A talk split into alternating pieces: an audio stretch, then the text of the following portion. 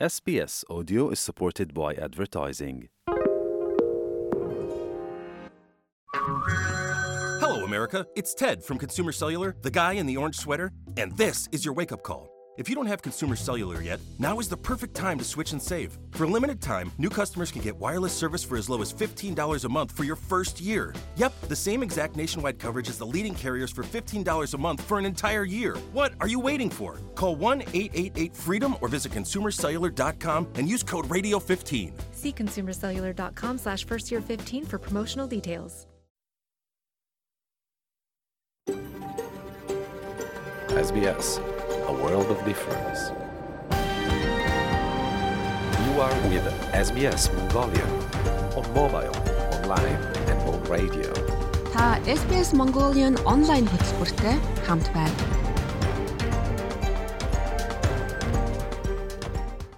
Сайн байцгаана уу Австрали суугаа монголчуудаа SBS радиогийн монгол хэл дээрх хөтөлбөрийн шин дугаар эхлэж байна. Өнөөдөр 3 дугаар сарын 9 Мельбурн хотын төв талбай Federation Square-ээс сэтгүүлж ундрах баяр та бүхэндээ мэдчилж байна. Яг одооноос эхлээд бүтэн цагийн туршид хамтдаа байцгаая. Гэхдээ эхлээд бид нар оршин суугаа газар нутагта хүндэтгэл үзүүлдэг боломжлолтой.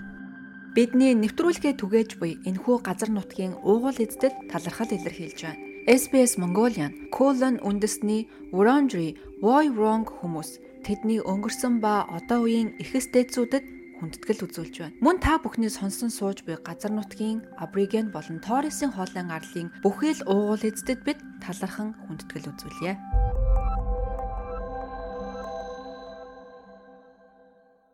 Өнөөдөр та бүхэнд хүрэхээр бэлтгэсэн нэвтрүүлгийнхээ товч агуулгыг танилцуулъя.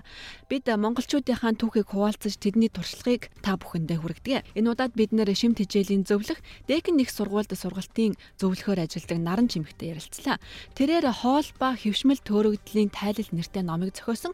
Түүнтэй бид нар Австральд бид нар хүнсээ хэрхэн сонгох вэ? За дэлгүүрийн лангуун дээр байгаа таван оттой хүнс эрүүл хүнс мөн үү гэсэн сэдвээр ярилцах гэж байгаа юм. За мөн бид нар Австральд жолооны үнэмлэхийг яаж авдаг тухайд оршин суух хөтөж болонгаараа та бүхэндээ хүргэх болно. Цаг үеийн мэдээллийг бид нар энэ удаагийн хөтөлбөртөд багтаалаа. Австралийн эм эмчилгээний хяналтын албанаас хуурай ханиалганд хэрэгэлдэг 55 төрлийн эмийг худалдаанаас хасгаруулжээ. Энэ талаар мэдээллийг та хүлээж аваарай. Хэрвээ та ажил олгогчтойгоо цалингаа нэмэх тухайд ярилцах гэж байгаа бол танд хэрэг болох англи үг хэллэхийг бид SBS Learning English болонгаараа хүргэхээр бэлтгэж байна. За төгсгөлд нь бид нар Австралид ирсэн хүмүүст шинэ соёл, шинэ газар нутаг дасахт нь сэтгэл зүйн зөвлөгөө өгөх зорилгоор болохоор сэтгэл зүйч Нината хийсэн ярилцлага хүргэснээр манай өнөөдрийн нэвтрүүлэг өндөрлөх болно.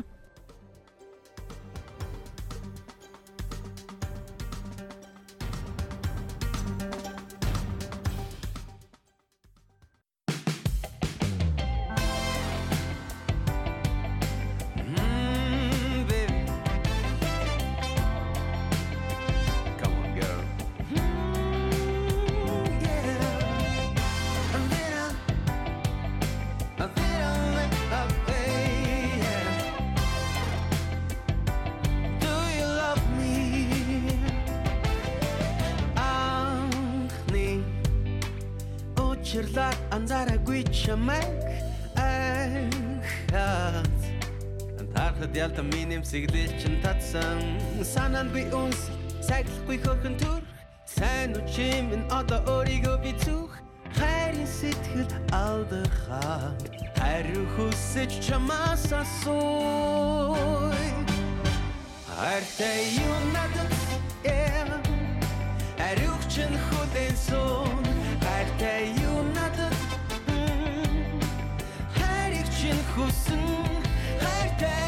юу надад санах тусам санах мэдрэмж сайхан чиний сэтгэл сэлмээр байна. Хайртай юу надад ара болгон чамайг ярихыг би хүлээн ай хан тэнгэр намайг ойлгосоо гэж би хүсэн. Миний хэлэх үгс Төвний бүх юм төгс Маадгүй чамайг ойлгоогүй мэдэхгүй олон зүйлс. Итгэл минь чамд алдраагүй. Эргээд чамаа санасуй. Артай юу надад эм? Ариухчин худэн сон Артай юу надад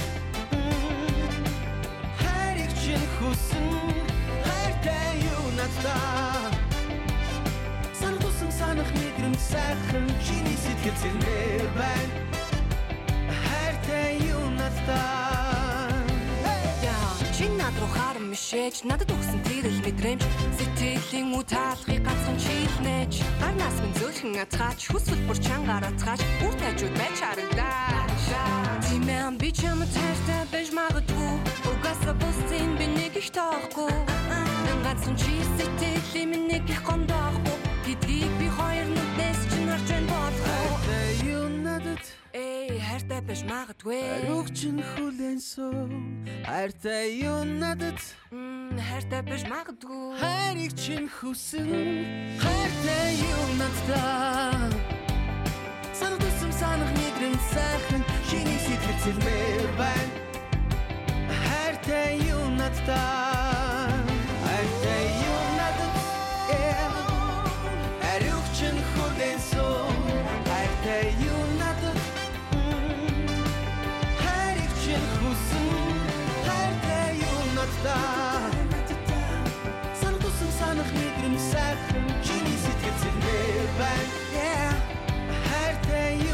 надад oh babe хайртай юу надад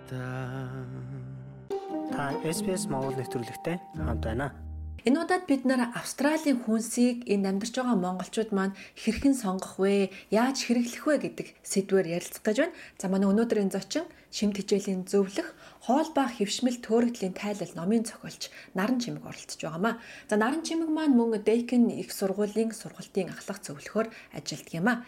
За сайн байна уу нарагч урилгын минь хүлээж авсанд баярлалаа. За баярлалаа. Намайг урьсанд бас баярлалаа. Тэгээ ярилцлагатай бэлдээд би таны номыг бас ер нь уншаад эхэлсэн байгаа. Тэгээд би нэг зүйлийг гайхчихлаа. Та өөрөө бол боловсролын салбарын хүн энд доктор Австралид хийсэн яг энэ чиглэлээр ажилладаг хүн юм байна. Тэгээд ер нь яагаад яг энэ шимт хичээлийн салбар руу орж одоо ном бичих хэмжээний их судалгаа хийх болов эндээс соёлоо ярилцлага эхлэвэл. За тэгээ за Австралид би а, 18 9 жилийн өмнө магистрийн зэргийг боловсролын салбарт хийхээр ирсэн. Тэгээд үргэлжлүүлээд бас боловсролын чиглэлээр PhD-гээ хийгээд тэгээ одоо энд ажиллаад амьдарч байгаа. Тэгэхээр чи багш хүн боловсролын чиглэлийн хүн. Тэгээд а, шимт хичээлийн сэдвүүрөө яагаад орцсон бэ гэхлээр би нөгөө сургуульд байхдаа толгой их өвддөг байсан. Сүүлдээ тэр маань тэр мигрен гэдэг өвчин болж таарад олон жилд ерөөсөө тэрийг эмчилж чадахгүй олон эмчтэр очисон. Тэгээд мигрен гэдэг чинь тол толгой талдаж өгдөөд л Тэгээ өвдөхөөрөө минийх чи айгүй муухай бүр ингээд 7 хоног моног үргэлжилчихдэг. Тэгээ тэр атак нь айгүй ойр ойрхон сүулдэ болоод бүр ингээд амьдралын чанар энэ чинь бүр ингээд алга болчихж байгаа байхгүй. Гэхдээ миний тарих сэргэлэн биш өглөө усахад нэг л ядарсан амтан босч ирэл. Тэгээд тэгэл эн чинь ерөөсөө айгүй олон жилийн түүх ингээд үргэлжлээд байгаа шүү дээ. Гоё. Тэгэл ерөөсөө энийг ерөөсөө би юу мэдээ өөрөө чи би чи нөгөө нэг миний бэкграунд чинь судлаач хүн болохоор тэгэл нөгөө судалгаа энэ төр уншаад айгу нойрд яваас. Тэгэл уншаад судлаад ирсэн чинь ерөөсөө л энэ тархинд үүссэн өрөвсөлтэй энэ тархины тархич өөрөө дархлааны эстэй тэр нь ингээд өрөвссөн байдгийн байна.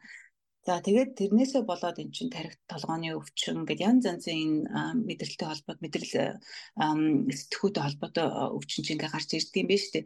Тэгээд тэр нь юунтай холбоотой юм бэ гэсэн чи ерөөсөө энэ бидний өдөр болгон идээд байгаа хоол. Энэ нүүрс ус маш багтаа одоо жишээлбэл ketogenic diet гэж ярьдаг тийм сайн өөх тос ихтэй уурглаг хоолоо идээ явж хахад энэ өрөвсөл ингээ буурдаг юм байна. Надад ийм амар үнэтэй ийм имчилгээ хэрэггүй юм байна гэдгийг бүр маш олон судалгаанаас уншиж янз янзын подкаст сонсож сайн ойлгочоо тэгээ өөр дээр хэрэгжүүлэхгүй юу? Тэгсэн чинь ястаа Тэгээ мигрен маань алга болоод өглөө босохоор чинь тарих толгой. Нэг гой сэргэлэн Тэгээ олон жил тэгж явж үзээгүй хүн чинь ингээд 50 байна гэдэг чинь амар гоё мэдрэмж төрж байгаа юм чинь. Тэгэл чинь тий инсулин дөжрөл гэдэг юмыг ойлгоод ирэхээр чинь цаашаага ингээд энэ инсулин дөжрөл чи одоо бидний одоо энэ хүмүүсийн тусаад байгаа энэ албаг өвчний суурь нь болоод байгаа юм байна гэдгийг би маш сайн ойлгосон. Тэгээд одоо судалгаа бол ерөөсөө дандаа инсулин ихтэлт, инсулин дөжрөл цусны сахарын хэлбэлцэлтэй холбож судалгаануудыг бол маш их хийж байгаа. Аа. Ерөн сүүлийн үед энэ эрүүл хоолой шинэ хичээлийн тухай мэдээлэл бол маш их болсон байна. Зүгээр энэ олон мэдээлэл дотроос яаж өөртөө хэрэгтэйг нь олж авах вэ гэдг нь харин илүү биднэрт сорилт болж ирж байгаа байна. Тэгээд энэ удаад ямар ч байсан хоёлаа нэвтрүүлгийн Австралид амьдарч байгаа монголчуудад зориулж байгаагийн хувьд хоёлаа эхлээд Австралийн тухайд ярилцвал ямар вэ? Австралийн хүнс ер нь бид нэ дандаа л эрүүл гэж итгэж явдаг тий. Гэхдээ сая таны ярианаас бол бас бид нар зөв сонгохгүй бол олон хүчний шалтгаан болж болох юм байна. Тий, яг хуу Австралид бол угаасаа сонголт ихтэй. Тэгээд эрүүл хоолууд бол ерөөсөө төрөл төрлөөрөө л байна тий. А тэгвэл яг хуу гэхдээ юм энгийн байхтаа л сайхан. Ерөөсөө би жишээлбэл ингээд э, супермаркет ороход хан хаваар нь яваал тэгэл гардыг шүү. Тэр дундуур нь тасалгаанд олон хайцаг савтай юмыг бол би баг авахгүй дээ. Тэгээд ганц хоёр л хэрэгтэй зүйлээ аавна. Тэгээд ерөнхийдөө хоолыг сонгохдоо жинхэнэ бүхэл ингээд жинхэнэ бүхэл гэдэг нь боловсруулаагүй хит боловсруулаагүй те бас хагас боловсруулсан байж болно. Аа тэгээд харахад ингээд энэ ямар хоол вэ гэдгийг хараад мэддэг. Хараад эн чин мах, хараад эн чин брокколи одоо юу ч байдгийг тий хараад мэддэгддэг. Тийм жинхэнэ бүхэл хоолоос сонгосон. Тэр тэр жинхэнэ бүхэл хоолууд нь ерөнхийдөө ингээд супермаркетуудын ханаар нь байж байдгийг. За тэгээ хайрцаг сантай хоол авах шаардлагатай байх юм бол цаавал орцыг харж байх хэрэгтэй. Заримдаа бид нар чинь би одоо юу мэддэг байхдаа урд нь ингээл өө таван одтой өө эн чи эрүүл хоол тэгэл авчдаг тий. Тэгээ нөгөө маргарин Маргарин ч бүр амар тэгээд тэр наран цэцгийн тос мос тэр олон юуны юу safflower, canola oil молч ерөөсө актер өрөвслийг архагшуулдаг тосууд байгаа байхгүй юу. Тэгээд нөгөө маргарин дээр чинь а юу холестеринийг бууруулнаа гэж бичсэн. Тэгэхээр чинь өө эн чи эрүүлгээл авчдаг те. Тэгсэн чи амар тус авчихсан байгаа байхгүй юу. Тэгээд тэр ингээд тэр чинь дандаа маркетинг хүнийг ингээ ахуулах тийм үсгнүүд бичгнүүд орцсон. Тэгээ ер нь тэгээ хайрцаг савтай юм авах юм бол орцыг нь заавал уншиж явах хэрэгтэй. Тэгээд зүгээр аягүй хэлбэрчлээд хэлэхэд орцыг нь хараад аягүй олон орц орсон бол тэр ер нь хит боловсруулсан хэрэггүй хоол гэж ойлгож болно.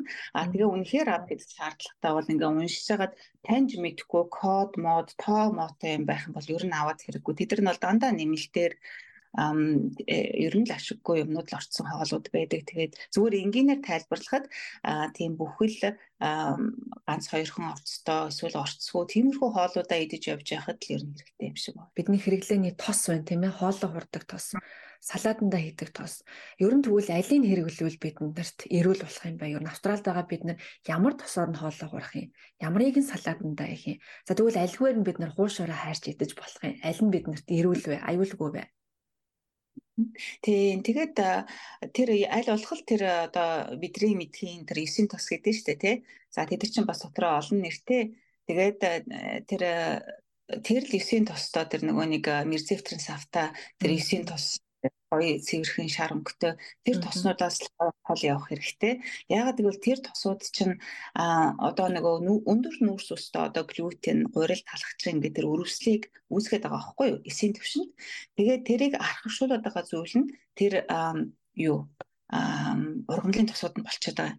Тэгэхээр чи одоо жишээлбэл бид нар хуушураа ургамлын тосонд хайрлаа гэхэд чинь тэр чинь гурилтаа тэгээ ургамлын тостой тий. Тэгэхээр чин тэр эсийг өргөсүүлэх одоо тэр яг актер хоол нь болчиход байгаа байхгүй юу. Тэгээд ямар тосыг хэрэглэх вэ гэхлээр ерөнхийдөө мэдээж оливын тос сайн тий. За тэгээд коконат тос бас их сайн. Коконат тос маань бас л өргөсөл бууруулах үйлчилгээтэй сайн тос. За тэр коконат тосыг бол өндөгөө хайрж болно, хоолой хайрж болно. Шар тос байна. Шар тос одоо энэ Австралийн супермаркетууд айгүй илбэг байгаа. Тэрийгээр ч гэсэн хоол хүнсээ хайраад идэж болно тийм За тэгээд одоо тэгтээ нөгөө нэг хансан өөх тос те одоо бидний мартагаа хамт ирээд байгаа тос тосоо нөхрийн тос одоо шаргаасан тос пало гэд зардаг болсон ч дээ энд чинь. Тий. А тэрийг тэгтээ өндөр нүүрс устай хоол идж байгаа тохиолдолд хасан нэг өв тос бол тохиромжгүй. А өндөр нүүрс усаа багасгаад одоо гурилаа идэхгүй хаяал нэг иддэг байж болно те өдөр болгон идэхгүй байгаа тохиолдолд тиймэрхүү тало өхрийн шаргаасан тос энтрийг бол бас хоолндоо хэрглэж болно. За тэгвэл бид нар хуушураа шар тосон таарч идэж болох юм. Шар тос бол янз янзаараа зарагддаг болчиход байгаа дээ тий. Хуушур гэж ярьсных нэрээ бас хоёлоо гурилны тухай ярилцъя. Таны өгдөг бас сэдв штэ тий. Таны толгойч өвдөд байна уу, харшилч өвдөд байна уу, та гурлаа хасаад үз, сахараа хасаад үз, тосоо үржил гэдэг үл таны гурван юмыг дандаа хэлдэг штэ. Тэгвэл ямар гурил идэх вэ? Монголчууд ч бас гурилан дуртай штэ. Ер нь бас өсөө осоо талах эдгээр нь оройн цувинга бууцаа идэнэ. Юугаар ордог вэ? Тий, тэгээд яг гурилыг яг тэр нэг бууз хуушуурны гурилыг бол орлуулах гэхэр чин бас хэцүү те одоо ямар алманд гурдаар хуушур хэлтэй ш. Тэгээд яг хуу өдөр болгон үгүй ер нь дандаа идэж яах нэ одоо хагсаан бүтэн сойнд нэг удаа хийж идэх ч гэдэг юм уу. Тиймэрхүү баягаар л зохицуулах гол ер нь бол өдөр болго энэ гурил гэдэг зүйлийг чи идээд байхад их тохиромжгүй юм байгаа. Ингээд баг багаар идээл байх юм бол ингээд тэр инсулинийг ихтэл ихтүүлээл байгаа. Гурил идэх болгонд цусны сахар савлна. Ягаад гэвэл тэр чинь амар өндөр гликемийн индекстэй хоол байхгүй юу. Тэгээд инсулин нэхээр ялгарна. Инсулин тэгээд байнга ялгараад байх төр чинь ихтэй дэлэн гэсэн үг байхгүй. Тэгэхээр чи яваанда хэдэн жилийн дараа тэр ямар нэгэн суур өвчин хүний биед ингээ гараад ирж байгаа байхгүй 30 40 гараад ирэхэд тий. За тэгэхээр чин ингээд урилныхаа хэрэглээд ингээ жоохон журамлаад ядаж өглөөнийхөө хоолндоо идэхгүй тий Аа за тэгээд өдөр заавал идэх бол нэг ганц сүсэм гэдэг юм уу. За тэгээ орой заавал гэр бүлэрээ сууж ууз гошураа идэх хэрэгтэй, гурилтай хоолоо идэх хэрэгтэй гэх юм бол 7 хоногт нэг удаа ч юм уу ядаж л ундаа хажуугаар нь уухгүй байхтай ундаа ч бас л их глюкоз, фруктозтой. За тэгээд эхлээд жижиг салаад ямар ч хамаагүй нэг жижигхэн салаад идчихэд Тэгээд хуушуур буузаа идэх юм бол бас л цэцний сахарыг гинт савлуулахгүй тэгэхээр чи инсулин баг ялгарна гэсэн үг. Тэгээд ийм жижиг шажиг арга хэмжээ авч болно. Өглөө монголчуудын заа магадгүй нийл олонх нь биш байж магадгүй. Миний хувьд бол өглөөний үндсэн хоол талах байдаг байхгүй. Тэгээ өглөө босоод та юу иддэг вэ? Тэгээ өглөө бол би ерөөсөө а за энд бол авокадо хямдхан байдаг те. Авокадо бол заавал иддэг. За өндөг заавал иддэг. За тэгээд өглөө бол ерөөсөө нүүрс усаа баг идж байгаа тохиолдолд мах идэхэд ерөөсөө айх шаардлага байхгүй. Тэгээ ерөнхийдөө хямдхан талаасаа бодоод үзэх юм бол татсан мах хямдхан байдаг шүү дээ. За тэгээд нөгөө нэг өглөөнийхөө хоолн дээр тэгээ уургалаг өөх тустай хоолоо идсэн байхад чинь хүн чинь айгүй гоё цадаал ирнэ гинт 2хан цаг болоод өсөд ирэхгүй За тэгээд ер нь эрүүл хоол шимдэжлийн тухай яриа л аваад ерөөсөө яриа л байх юм байна. Тэгээд цаг гаргаж ярилцсан танд маш их баярлалаа. Олон хүнд эрүүл байна гэдэг чинь ер нь бүх юмны үндэс шүү дээ тий. Тэгээд эрүүл байхад нь бас тусал цаг зав гаргасан танд тэгээ бас номоо бүтээсэн танд маш их баярлалаа гэж хэлмээр байна. За маш их баярлалаа. Намайг урьж ярилцлага авсанд маш их баярлалаа. За танд амжилт хүсье. Баяртай. Баяртай. Австрали улсад байгаа бусад монголчуудтайгаа холбогдоорой. SBS.com.cg юу урагшаа зураас Mongolian хуудасаар зочлоорой. SBS Mongolian радио хөтөлбөртэй хамт байгаа танд баярлалаа. Одоо Австралид оршин суух хөтөч нэвтрүүлгийг хүлээн авч сонсцгоё. Та SBS Монгол нэвтрүүлэгтэй хамт байна. Машин барьдаг байх нь өөрийн бие даасан байдлаа хангахын зэрэгцээ ажилд орох боломжийг ч нэмэгдүүлдэг. Гэхдээ үүний хажуугаар замын хөдөлгөөний аюулгүй байдлыг хангах асар том үүрэг бас хариуцлага хүлээх ёстой.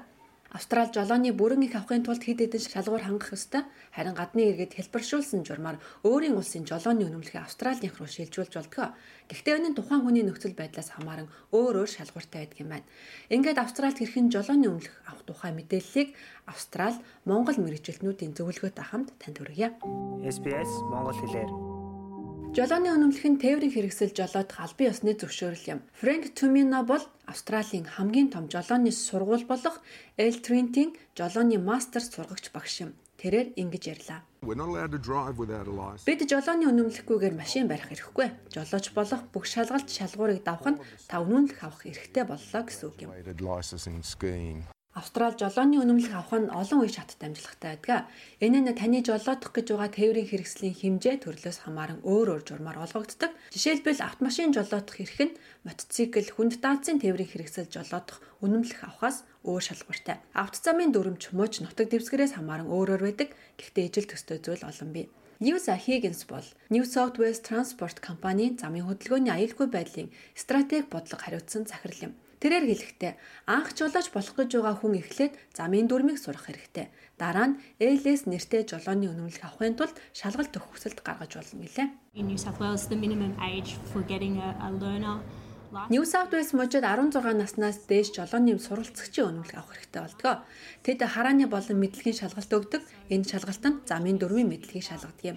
Ингэснээр та зам дээр аюулгүй зорчих болно. uh, so that you can stay safe on the roads. Суралцагчийн үнэмлэх буюу ээл нь та хажуудаа хүнтэй хамт зам дээр тээврийн хэрэгсэл жолоодож дадлага хийх боломжийг олгодог. Хажуудаа Австралийн үнэмлэхтэй хүн хамт явж тухайн хүн жолоо барих хэрэгтэй байна гэсэн үг юм а. Мөн та тээврийн хэрэгслийнхээ гадна талд ээл гэсэн тэмдэглэгээ зүүх ёстой. Жолоо барихаас өмнө согтууруулах ундаа ууж болохгүй. Таны цусан дах спиртийн концентрац тэг байх ёстой бөгөөд хурдны хязгаарлалттайгаар явна. Бас гар утас хэрэглэхийг хориглох зэрэг бусад дүрм шаардлагууд тавигддаг. Mobile phone use is banned when you're uh, on your L's. Анхлан жолооны үнэмлэх авах гэж байгаа суралцагчдын наснаас хамаарч хэр удаан ээл үнэмлэхтэй байх нь шийдэгддэг. Тэд ганцаараа жолоотхоос өмнө туршилтын буюу PS гэж нэрлэгддэг үнэмлэх авдаг. Энэ үнэмлэхийг авахын тулд мөн жолооны практик шалгалт өгөх ёстой. Фрэнк Тумино ингэж ярьлаа. You can Та төлбөртэй жолооны хичээлүүдэд сууж болно. Мэргэжлийн сурагч багш нар жолоодлагын сайн суурь тавьж зөв техникт суралцахад туслах болно. Ийм сайн суурь дээр тулгуурлан хамгийн чухал зүйлсийг танд заах болно. Харин одоо Австральд урт болон төр хугацаагаар амьдрах гэж ирсэн гадны хүмүүс хэрхэн жолооны үнэмлэх авах тухайд төвлөрөн ярилцъя. Та өөрийн улсдаа жолооны үнэмлэхээ авчихсан байсан бол түүнийг Австралийн үнэмлэх рүү шилжүүлж болдог. Льюис Хэгэнс хэлэхдээ ингэж үнэмлэх шилжүүлэх нь л мөн тухайн хүний нөхцөл байдлаас хамаардаг гинэ. Энэ нь та аль улсаас ирснээс хамаардаг. Тодорхойлбол таны үнэмлэхийг хаанаас олгосон, хэр удаан эзэмшиж байгаа, таны ирсэн газар жолооны ямар систем үйлчилдэг зэргээс хамаардаг. Австралийн автозам олны хилдгээр буруу гарын дүрмтэй буюу Монголынхоос эсрэг урсгалаараа явдаг. Тиймээс анх энд машин барих гэж байгаа хүмүүст эртэлтэй ойлгомжгүй зүйл олон бий. Тэгвэл Монгол үнэмлэхтэй бол Австралийн бүрэн жолооны эрхтэй үнэмлэх авахд юуг анхаарах талаар татлагжуулагч багшаар ажиллаж байсан баяр тогтохтой бид ярилцж байсан мөлий. Тэрээ өөрийн туршлагаас ингэж зөвлөлөө. Монголчууд бол яг үнэмлэхтэйгээ ирсэн хүмүүсийн хувьд бол даваа талтай ашигтай байна. За Австралийн жолооны үнэлэх авахд бол дөрмийн шалгалтанд бэлддэг. Дөрмөө тэнцсэн тохиолдолд жолооны шалгалт өгөх хэрэгтэй болно. А жолооны шалгалтаа манад бол Монголд бол одоо дрометр өгдөг. А энд бол дром гэсэн юм байхгүй. Шууд хотынхоо жолоонд шууд гарч шалгалтаа авдаг. Ялгаа нь ялгаа нь тэрэндээ байгаа. Үргэлжлүүлэн Төминогийн ярианд анхаарлаа хандуулцгаая. Түүний хэлж байгаагаар бол бусад оронд автомашин жолоодож сурсан хүмүүст шалгалт өгөхийн тулд дадлагжуулагч багштай байх нь давуу тал болно гэлээ. With the migrants, we'd have a different Цагаач иргэдийн хувьд бид замын хөдөлгөөний дөрмийн талаар илүү төвлөрөх хэрэгтэй болдог. Багш нар тэдний өөрийн улсдаа бий болгосон зуршлуудыг арилгахад анхаарлаа хандуулдаг. За Австральд замын зүүн талаа барьж явдаг нь олон гадны иргэдэд томоохон сорилт болж байдаг.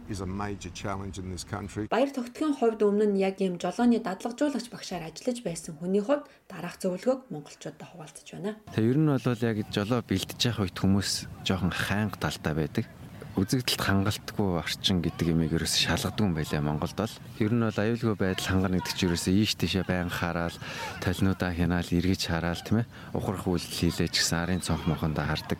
Араар хүүхдгүү өхөө хажуугаар дугуйтай хүн мотоциклтай хүн өнгөрөөд мөргүүлчих гэдэг тэр бүх юмнуудын тооцоолцсон энэ Австралийн ер нь бол жолооны хичээл бэлтгэх явц бол надад маш их таалагдчих байгаа үр дүнтэй. Жолоочийн бүрэн эрхтэй өнөмлөх авахын тулд та гинтийн аюулыг мэдрэх талаар сургалт авч тест өгөх ёстой. За ингээд шалгалтуудаа давж өнөмлөхөө авахд зарим хязгаарлалтууд хөнгөрнө. За гэхдээ л та замын бүх дүрмийг дагаж мөрдөх ёстой. Хэрвээ зөрчил гарвал их хэмжээний торгууль төлөхөөс эхлээд өнөмлөхийг түтгэл зүйлэх цуцлах хүртэл арга хэмжээ авч болзошгүй юм. Манайх маш хатуу дүрмтэй улс. Хурд хэтрүүлсэн согтуугаар тээврийн хэрэгсэл жолоодсон тохиолдолд хүнд шийтгэл ногдуулдаг. Австрали даяар олон нийтийн болон суурин үйлчилгээний байгууллагууд дөрвөсөд болон цагаачтад тусгайлсан үн төлбөргүй эсвэл хямд үнэтэй жолооны хөтөлбөрүүдийг санал болгодог. Эммануэль Мусони бол Glachped гэж нэрлэгддэг байгууллагын гүйцэтгэх захирал юм. За энэ бол өөр хил соёлтой жолооч нарт дэмжлэг үзүүлэх хөтөлбөр хэрэгжүүлдэг анхан шатны байгууллага юм а. We ask every client who wants to benefit from this. Хэрвээ та мэдлэгийн шалгалтандаа тэнцсэн бол манад бүртгүүлээрэй гэж хэлмээр байна. Өөрөөр хэлбэл та ээл тэмдэглэгээ авах үедээ гэсэн үг. Зарим хүмүүс жолоо барих талаар огт мэдээлэлгүй, мэдлэггүй байдаг. Тиймээс манай багш нар тэндээс яг энэ цэгээс нь эхлээд үнэмлэх авах хүртэл жолоодохыг зааж өгдөг. To teach them driving. From that point to the point of getting a license. Австралид дөнгөж ирсэн эмэгтэйчүүд болоод ганц бие ээжүүд бусдаас ихээхэн хамааралтай амьдарч байгааг анзаарсан учраас энэхүү хөтөлбөрийг хэрэгжүүлж эхлэхээр болжээ. Ингээд илүү үр дүнтэй байлгах үүднээс тухайн улсын иргэдийнхэн дундаас багшийг сурган ажилуулах нь зөв гэж Glachped байгууллага үтсэн байна. He understands very well the nature of the people. Ийм дадлагжуулагч багш нар өөрийн орны хүмүүсийн мөн чанарыг сайн ойлгодог учраас сайн зааж чаддаг.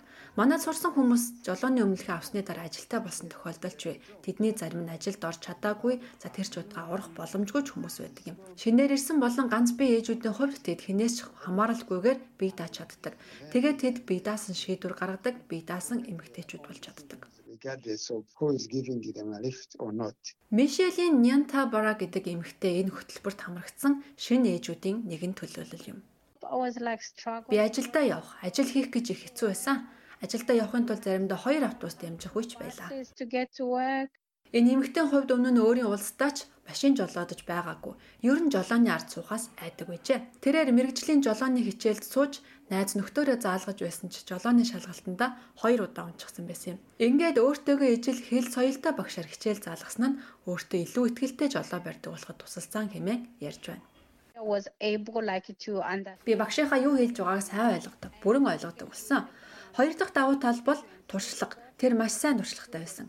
Хэрвээ хэн нэгэн тань жолоо барихыг таны хэлээр тайлбарлаад өгвөл гадаад хэлээр заадаг багшаас хамаагүй дээр туршлага болно гэж би хэлмээр байна. Үнэмлэхтэй болсон нь түүний болоод хүүгийнх нь амьдралыг өөрчилсөн гэж тэрээр ярьж байна. Now I can go wherever I have to go because I Одоо би хүссэн газартаа явж чаддаг болсон. Учир нь би дөнгөж хөлд орж байгаа жаахан хүүхэдтэй. Өмнө нь би хүүхдээ салхилуулах цэцэрлэг төрөлөө очихын тулд автобусанд суух хэвээр гадаа хүлээн хэцүү шүү дээ. Гэхдээ одоо би хувийн машинтай ажилдаа очиход амархан, хүүгээ гаргахад бүр ч амархан. Энэ нь амьдралыг хялбар болгож байна. Ялангуяа хүүхэдтэй эмэгтэй хувьд. Especially I think for a woman who has um kids. Австралид жолооны үнэмлэхтэй байна гэдэг нь зөвхөн автомашин барих эрхээр зогсохгүй олон зүйлд хэрэгтэй баримт бичиг болдог тухай баяр тогтох ярьлаа. За Австралийн жолооны өмнөх авснаар одоо жишээ нь хэрвээ өөрийнхөө нэр дээр байр шилжүүлж ингээ өөрөө байр түрээслэе гэх юм бол Австралийн жолооны өмнөхийг асуудаг. Нэгдүгээр даваа тал тэр байна. Хоёрдугаарт Австралийн жолооны өмнөхтэй тохиолдол гадаад паспорт юм уу, Монгол үнэмлэх юм уу, оюутны үнэмлэх төр ерөөс шаардлагагүй. Хаа явсан газараа жолооны өмнөхөө үзүүлээ явхад бол ажил үйлс арай хурдан бүтэх хандлагатай харагдаж харагдаад байдаг. За тэгээд жолооны өмнөлтөд болцсон хүн бол одоо Б плантай болчихж байгаа гэсэн үг. Яагаад тэгэхээр одоо энд бол ийм хүргэлтийн онлайн систем их хөгжсөн болохоор хүргэлтийн ийм ажлууд маш их байдаг. Хоол хүрэх хүргэн одоо шуудан хүргэн одоо хувийн машинаараа одоо тийм хүргэлтэнд явж болж байна, таксинд явж болж байна. Тэгээ ер нь бол жолооны өмнөхтэй хүн бол үндсэн одоо өөр ажил хийдэг байлаа ч гэсэн хажуугаар нь өөр давхар яг машинтайгаа жолооны өмнөхөө ашиглаад давхар орлого олох боломж нь бас нэгдэдэг. Бидний хүссэн газраа сонсоорой SBS радиогийн аппликейшнийг SBS.com.cg юу радио апп хаягаар татаж аваарай. Та SBS Монгол нэвтрүүлэгтэй хамт байна.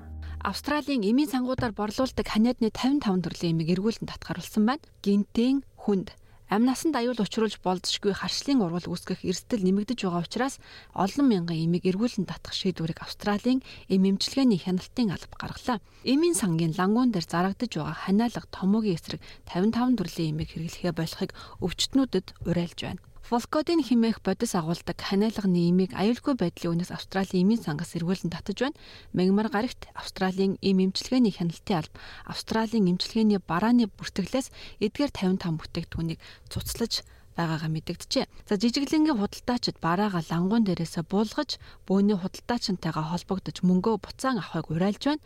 За Волкодын энэ хуурай ханиалгыг эмчлэхийн тулд сироп, шахмал гэх мэт олон төрлийн жоргүй бүтээгдэхүүнд хэрэглэгддэг. За мөн ханиад томооны шинж тэмдгийг эмчлэх бүтээгдэхүүнд ч ордог юм байна. За эргүүлэн татсан бүтээгдэхүүнүүд нийтлэг хэрэглэгддэг Pharmacy Action Dry Cough Relief болон бусад эм сиропууд багтсан байна. За яагаад эдгээр эмүүдийг татгааруулсан бэ? За Европын эмийн агентлагаас зарим бүтээгдэхүүн үйлдвэрлэгчдийн зөвшөөрлөг цуцлахыг зөвлөснөө дараа Австралийн эм эмчилгээний хяналтын алба эдгээр эмүүдийг шалгаж эхэлсэн юм байна. За ингээд мэдэгдэлтэй аюулгүй байдлын хорооны хяналт шалгалтаар эргүүлэн татсан зүйлсийг ханиадны эмтэй хослуулан хэрэгснээр үүсэх хариу уралтай холбоотой эрсдэлтэй болохыг тогтоожээ.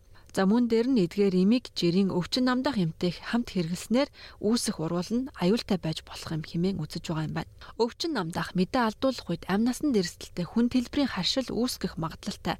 За тэгэхээр хүнд ч тохиолдож болох эрсдлийг таамаглах идэвхцүү. Зарим өвчтнүүд магадгүй сүүлийн үед фолкодин имуусын эсгээч мэдэхгүй байж магадгүй. Үүнээс гадна мэс заслын байгууллагууд өвчтөн ямар жороор олгодог имууч байгааг асууж болох ч лангуун дээрх бүтээгдэхүүний талаар асуухгүй өнгөрч магадгүй юм гэж Австралийн эм эмчилгээний хяналтын албаны дарга Джон Скрит мэдэгджээ.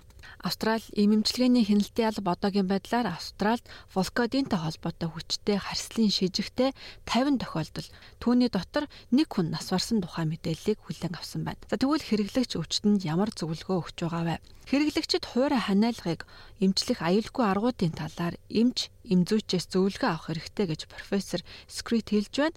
Хэрвээ танд өвчин намдагч хэрэгтэй байгаа бол сүүлийн 12 сарын хугацаанд фолкодын уусан бол эмчтэй хэлхийг зөвлөж байна гэжээ. За мөн эмч мэрэгжилтнүүд ч өвчтнөөс үүнийг асууж лавлах хэрэгтэй гэж мэдгдлээ. Та бүхэн эдгээр имийн жагсаалтанд орсон зарим нийтлэг имийг нэвтрүүлгийн тайлбар хэсгээс хараарай. Apple Podcast дээр манай нэвтрүүлэгт үнэлгээ өгнө үү? Энэ манай нэвтрүүлгийг хайж олоход бусдад бас туслах юм.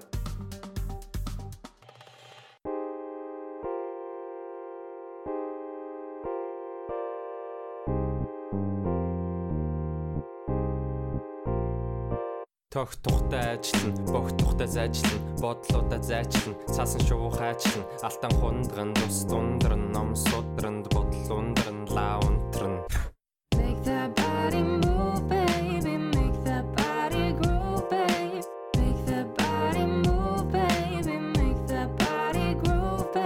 Зарим хүмүүс алдартай болохыг хүснэ ямар ч үнээр хамаагүй тэдэнд хүний үнээр хамаагүй байгаль орчин төмөр хамаагүй баг батэр дүүнэр хамаагүй. Чи хүмүүлхаар эхлээд хамраагүй өдөржин ажилласан өдөртөө амраагүй.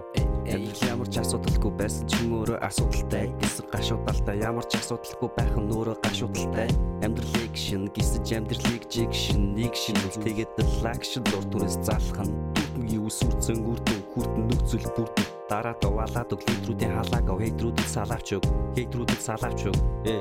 Тох тухтай ажиллана, богт тухтай зайчлан, бодлуудаа зайчлан, цаасан шувуу хайчлан, алтан хундран, тус дундран, ном судранд, бодол ундран, лаа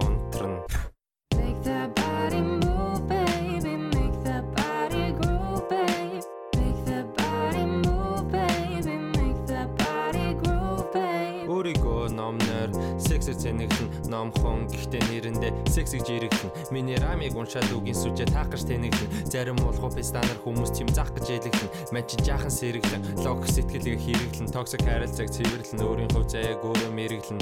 Цэг тавиад цошин мөрөглөн Тох тухтай ажиллана, богт тухтай зайчлан, бодлуудаа зайчлан, цаасан шувуу хайчлан, алтан хундран, тус дундран, ном судранд, бодол ундран, лаа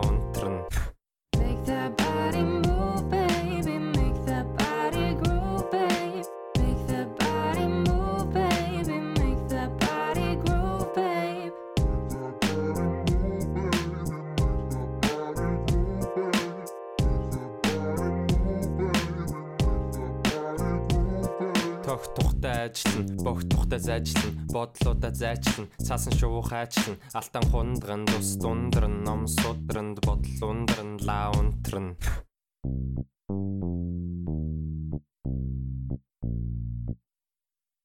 SBS A World of Difference. Англи хэл сурах нь таны амьдралыг өөрчилнө. Та хэлээ сайжруулангаа Австралийн соёл, амьдралын хэв маягийн тухай SBS Learning English-ээс сураарай. Манай подкастыг хаач явсан сонсож болно. Learning English helps me to get paid more. SBS acknowledges the traditional custodians of country and their connections and continuous care for the skies, lands, and waterways throughout Australia. My name is Josipa, and you are listening to the SBS Learn English podcast, where today we are practicing phrases to help us negotiate our salaries. To negotiate something means to have talks and reach an agreement on something. So it can be very useful to know phrases to help us negotiate our salaries because many of us have to bring home the bacon. Not that kind of bacon. To bring home the bacon is another way of saying to earn a salary, which you can then use to buy bacon. For example, you could say, I really don't feel like going to work today, but someone's got to bring home the bacon. Thanks, Claire. Alan is also with us today, and the two of them will help us practice phrases we can use to negotiate our salaries. Because, let's be honest, we all want to earn more, and nobody wants to be paid peanuts. If you are being paid peanuts, it means that you are being paid very little. You have a low salary or wages. By the way, a wage is a fixed regular payment earned for work or services, typically paid on a daily or weekly basis. While salary is also a fixed regular payment, but typically paid on a monthly basis and often expressed as an annual sum made by an employer to an employee. Let's hear what Claire and Alan prepared for us today. In this dialogue, Claire is an employer who has offered Alan a job, but he is not happy with the salary she is offering. Let's see how he deals with the situation. I'm excited about the prospect of working here, and I know I'll be able to contribute a lot to the company. I really appreciate your offer, but based on the going rate for someone with my skills and experience, I'm looking for something in the upper end of that range. Well, Alan, we look forward to working with you. But the salary we offer is fair compensation and what we have budgeted for this role. Can you move at all on that figure? I'd feel more comfortable if we could settle on a higher base salary because my experience and skills are worth it. Or maybe we can find a creative way to get to that number. Adding an additional week of paid vacation, for example, along with the salary you suggested, would be great. If you can do that, I'm on board. Oh.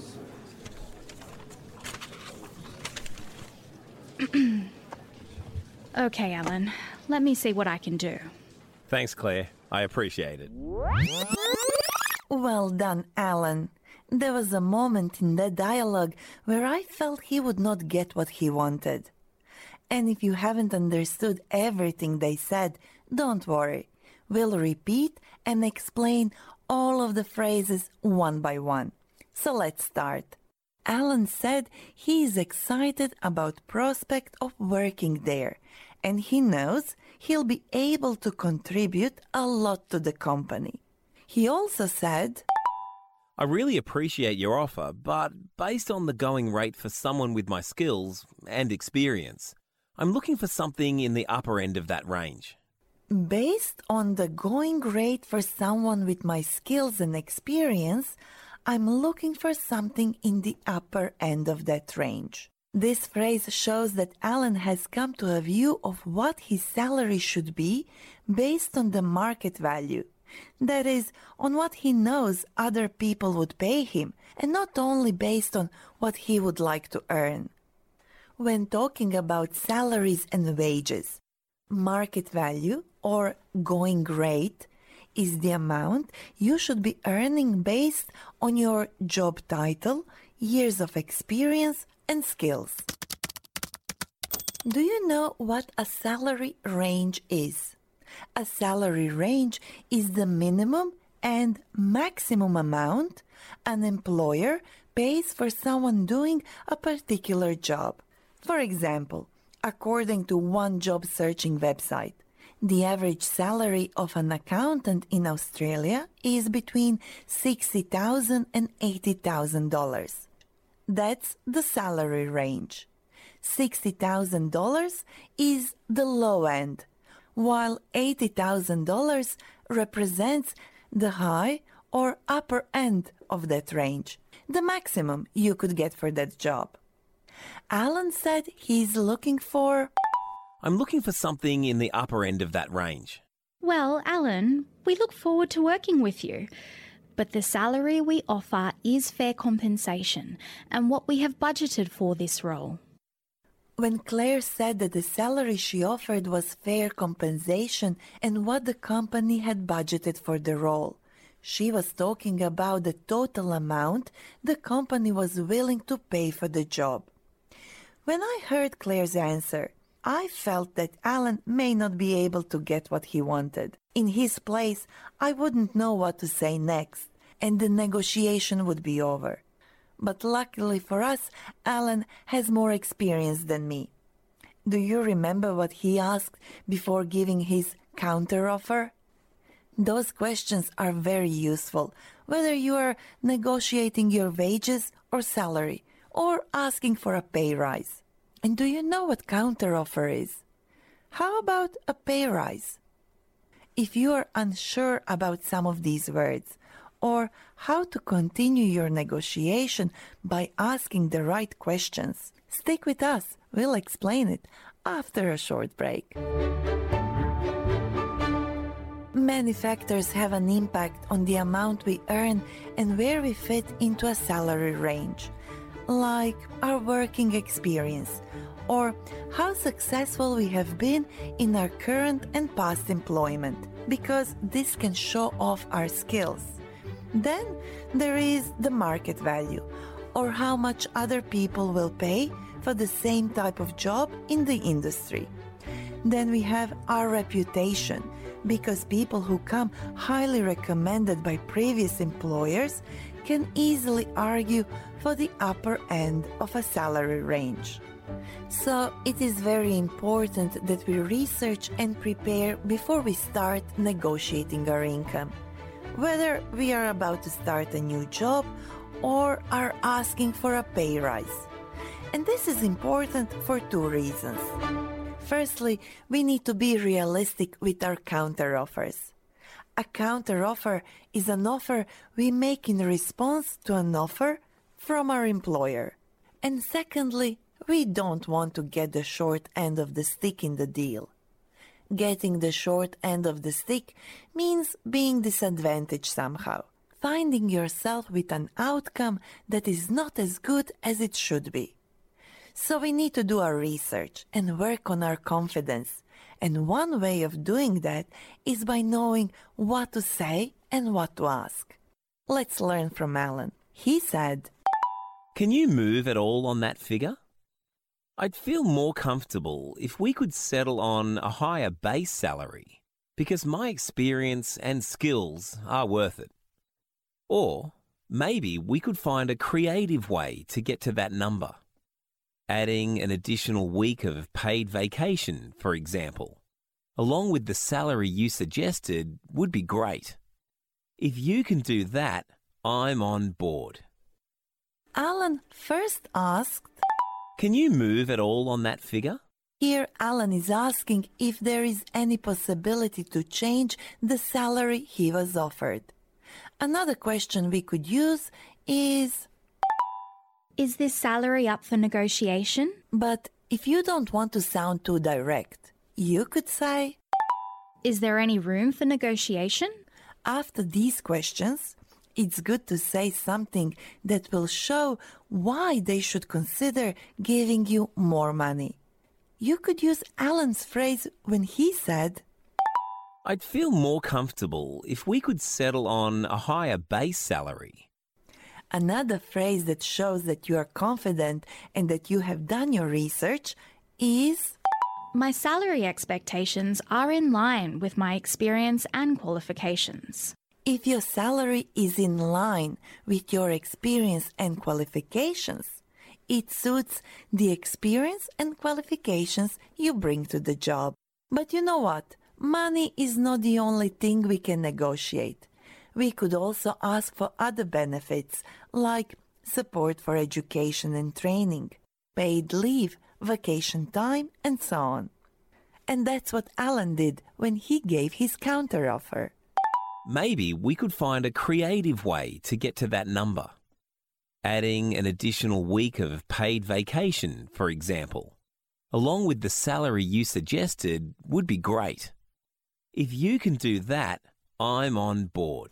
Alan's counteroffer was asking for an additional week of paid vacation.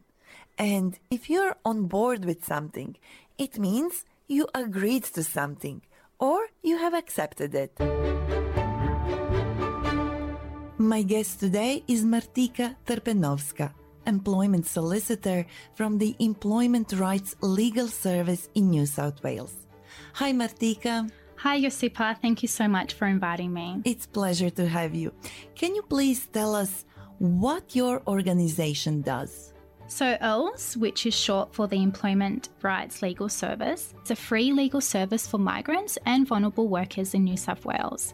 And we help with problems like, for example, if you're not being paid the right amount or if you've lost your job unfairly. We also help if someone has experienced bullying or sexual harassment or discrimination at their workplace. Can you give me an example of how you helped someone? Sure. So we do have plenty of success stories. For example, we had a lot of Brazilian cleaners who came to us for advice about being underpaid at work by the same employer. Almost all of these workers were on temporary visas and only spoke a little English. We provided advice to over 20 of these employees and calculated that they had collectively been underpaid almost $300,000. So we wrote letters and helped gather all the legal documents they needed to prove their case.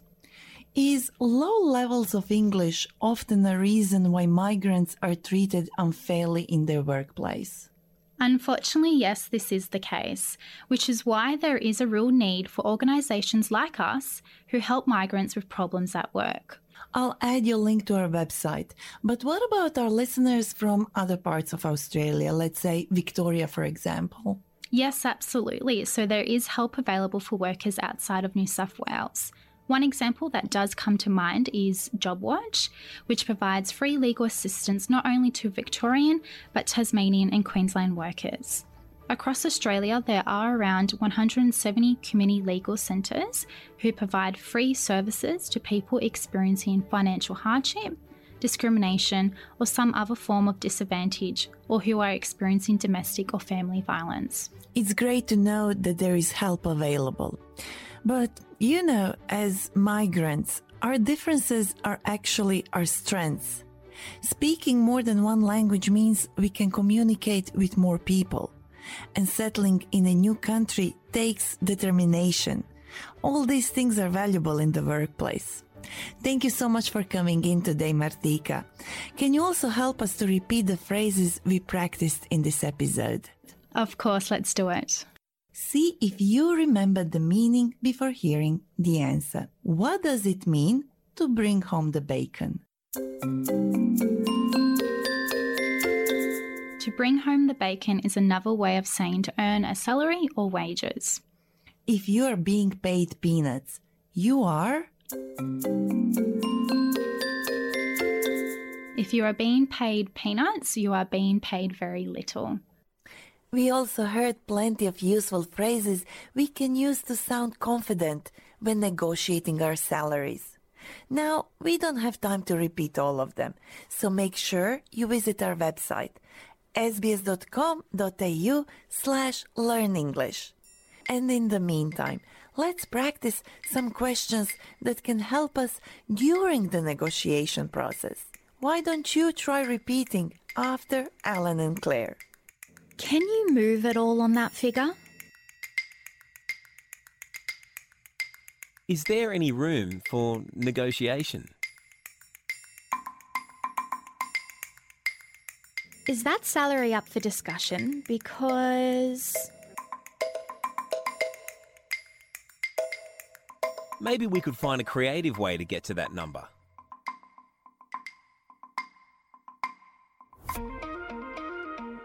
You know that we love hearing from you. Let us know what topic you would like us to work on next. You can email us at learnenglishat.com.au or reach out on Facebook. We are SBS Learn English. I'm Josipa. Thank you for learning English with me. This is an SBS Learn English podcast.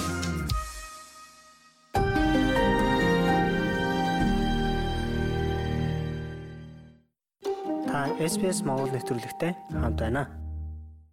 Сайн байцгаана уу? SBS Mongolia-тай хамт байгаа сонсогч та бүхэндээ баярлалаа. Энэ удаад бид нэр Баруун Австралийн Перт хотоос Нина агчтайгаа холбогдоод байна. Сайн уу? Аа сайн байна уу? Анийн агчаа танилцуулахад баруун Австралийн Куртны их сургуулийн докторант ангаахын сэтгэл судлаач, сэтгэл засалж мэрэгчлээ. Тэгэхээр баруун Австралда сэтгэл судлалын төвд 13 жилийн туршид ажиллаж байгаа юм хүн. Тэгэхээр эх орондоо байжгаад гадаад улс руу амьдрна гэдэг бол hero to zero гэж нэг юм үзэгдэл болдог тий. Тааж бас мэдж байгаах бид нар бол бүгдээрээ л энийг туулаад гарч байгаа.